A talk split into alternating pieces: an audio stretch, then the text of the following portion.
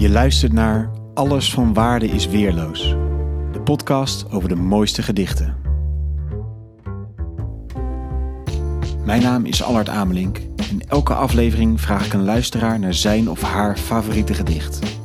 Zo bouwen we samen een kanon van de mooiste poëzie.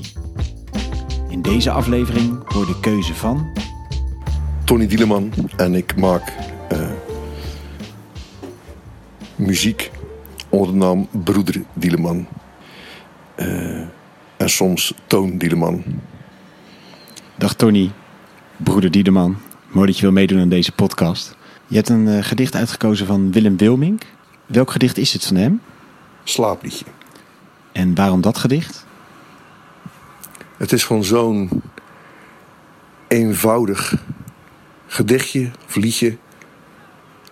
Met zulke eh, simpele beelden en een eenvoudige rijm.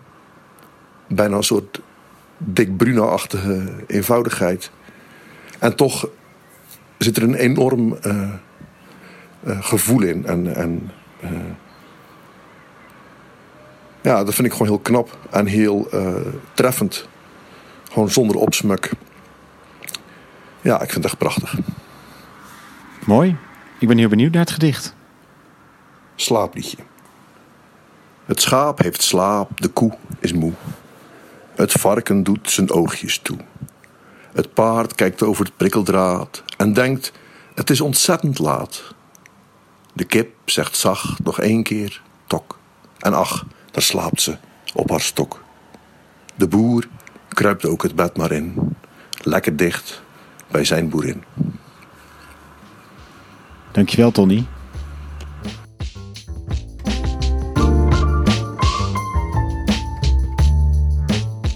Dank voor het luisteren naar Alles van Waarde is Weerloos.